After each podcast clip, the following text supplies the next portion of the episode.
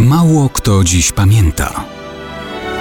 Datownik historyczny prezentuje Maciej Korkuć. Mało kto dziś pamięta, że 10 stycznia 49 roku przed Chrystusem gra w tryk-traka została rozpoczęta. Przy okazji też Rubikon został przekroczony.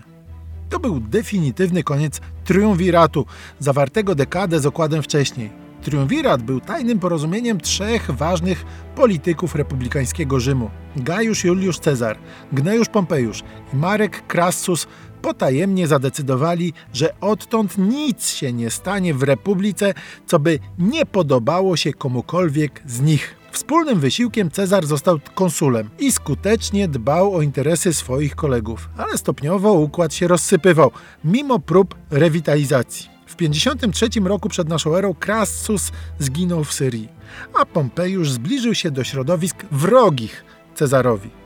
Ten, jako namiestnik Galii Przedalpejskiej i Narbońskiej, skutecznie prowadził dalszy podbój ojczyzny wszystkich, nazwijmy to z przymrużeniem oka, Asterixów i Obelixów. Kiedy Cezar zabiegał o powtórne objęcie stanowiska konsula, Pompejusz i Senat starali się to skutecznie utrudnić. Grozili nawet sądem za samowolną wojnę w Galii. No i właśnie wtedy, w roku 49 przed naszą erą, Cezar zebrał swoje wojska i przekroczył ów Rubikon, czyli rzeczkę, mówiąc prawdę, mikrych rozmiarów, ale za to stanowiącą administracyjną granicę Italii. Oznaczało to więc rozpoczęcie zbrojnego konfliktu o władzę w republice. Alea jacta est, miał powiedzieć wówczas Cezar.